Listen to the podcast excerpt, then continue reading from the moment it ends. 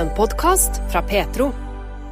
I serien 'Dette har gjort meg glad' skal vi i dag møte Morten Egeland. Han jobber i Norsk Luthersk Misjonssamband, det har han gjort i mange år. Og nå er han regionleder for deres arbeid bl.a. i Sør-Amerika. Og nylig så var han på en tur til Bolivia og Peru, der Misjonssambandet har jobba siden 1978. Eh, og eh, hvis du skal ta fram noe i denne serien som handler om eh, det som gleder, hva er det da du vil ta fram for denne turen til Sør-Amerika nå, Morten Egeland? Nei, Jeg hadde en veldig spennende og inspirerende reise til, til, Bolivia sammen med Malvin Ommedal, som er en av utsendingene våre der. Og det å komme ut og langt inn i fjellene, i daler og i dalsøkt, og møte de kristne der. Eh, det var veldig inspirerende. Og også møte lokalsamfunnet der med innbyggere, og der de kommer og sier ja, her var Misjonssambandet for 40 år siden, og de var med å bygge opp eh, all vanntilgangen vi har. Her er det helsetilbudet, var det dere som var med og starta. Det var dere som var med og, bygde, og starta kirke her. Og da det, det de har vært med å bidra med, det var veldig inspirerende. Du, Bolivia i Sør-Amerika, hvor omfattende arbeid sånn generelt driver Misjonssambandet der? Nå, nå, har vi ikke så mange misjonærer. Vi, vi, har tre misjonærer der nå. Det er en nasjonal kirke eh, som, eh, som, som eh, tar ansvar for arbeidet sjøl. Så, så, det er ikke noen stor kirke, det er rundt 13 menigheter. Men det er en nasjonal kirke som, som styrer seg sjøl og og vi går sammen med dem, og så driver vi nå og ser på hvor, hvor lenge trenger vi å, å være der. Eh, og når kan de gå på egne bein og tenke nå, nå klarer vi oss sjøl. Du sier gå sammen med deg. På hvilken måte går det sammen? Hva gjør dere? Nå har vi et ektepar, Uland, som eh, er med og, sammen med nasjonalpastor og starter eh, nytt arbeid i sør i Bolivia, eh, Tarija. Eh, så der går vi sammen med kirken for å starte ny, nye menigheter.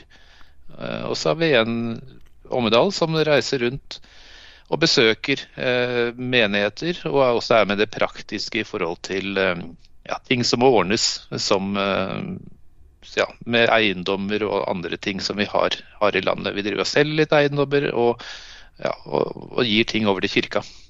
Bolivia, der er ikke store flokker av evangeliske kristne. Det er et katolsk land, dette her, men det er ikke store flokker av evangeliske lutherske kristne? Luthersk kirke som vi samarbeider med, er ikke stor. Men det finnes andre lutherske kirker. Og det finnes også andre evangelikale øh, kirker som er øh, mye større enn dem, øh, dem vi samarbeider med. Så, men det er et katolsk land, helt klart. Så, så, men, men, det er nok mer evangelikalsk arbeid i Bolivia enn f.eks. Peru, eh, eh, som det er andre steder vi jobber. da.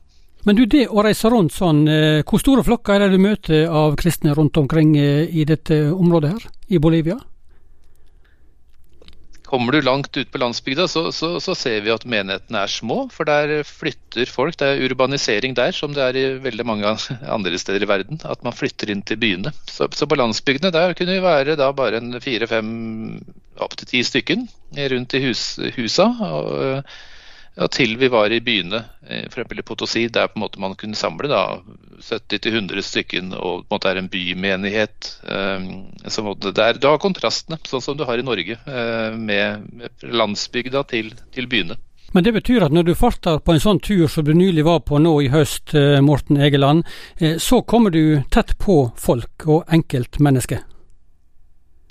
Ja, eh, det, det, er jo Nå kan ikke jeg spansk, uheldigvis, men eh, gjennom Malvin så vi, vi fikk jo ja, dra hjem til folk, spise sammen med folk. Vi overnatta hjemme hos folk oppå, langt oppå eh, høyfjellet.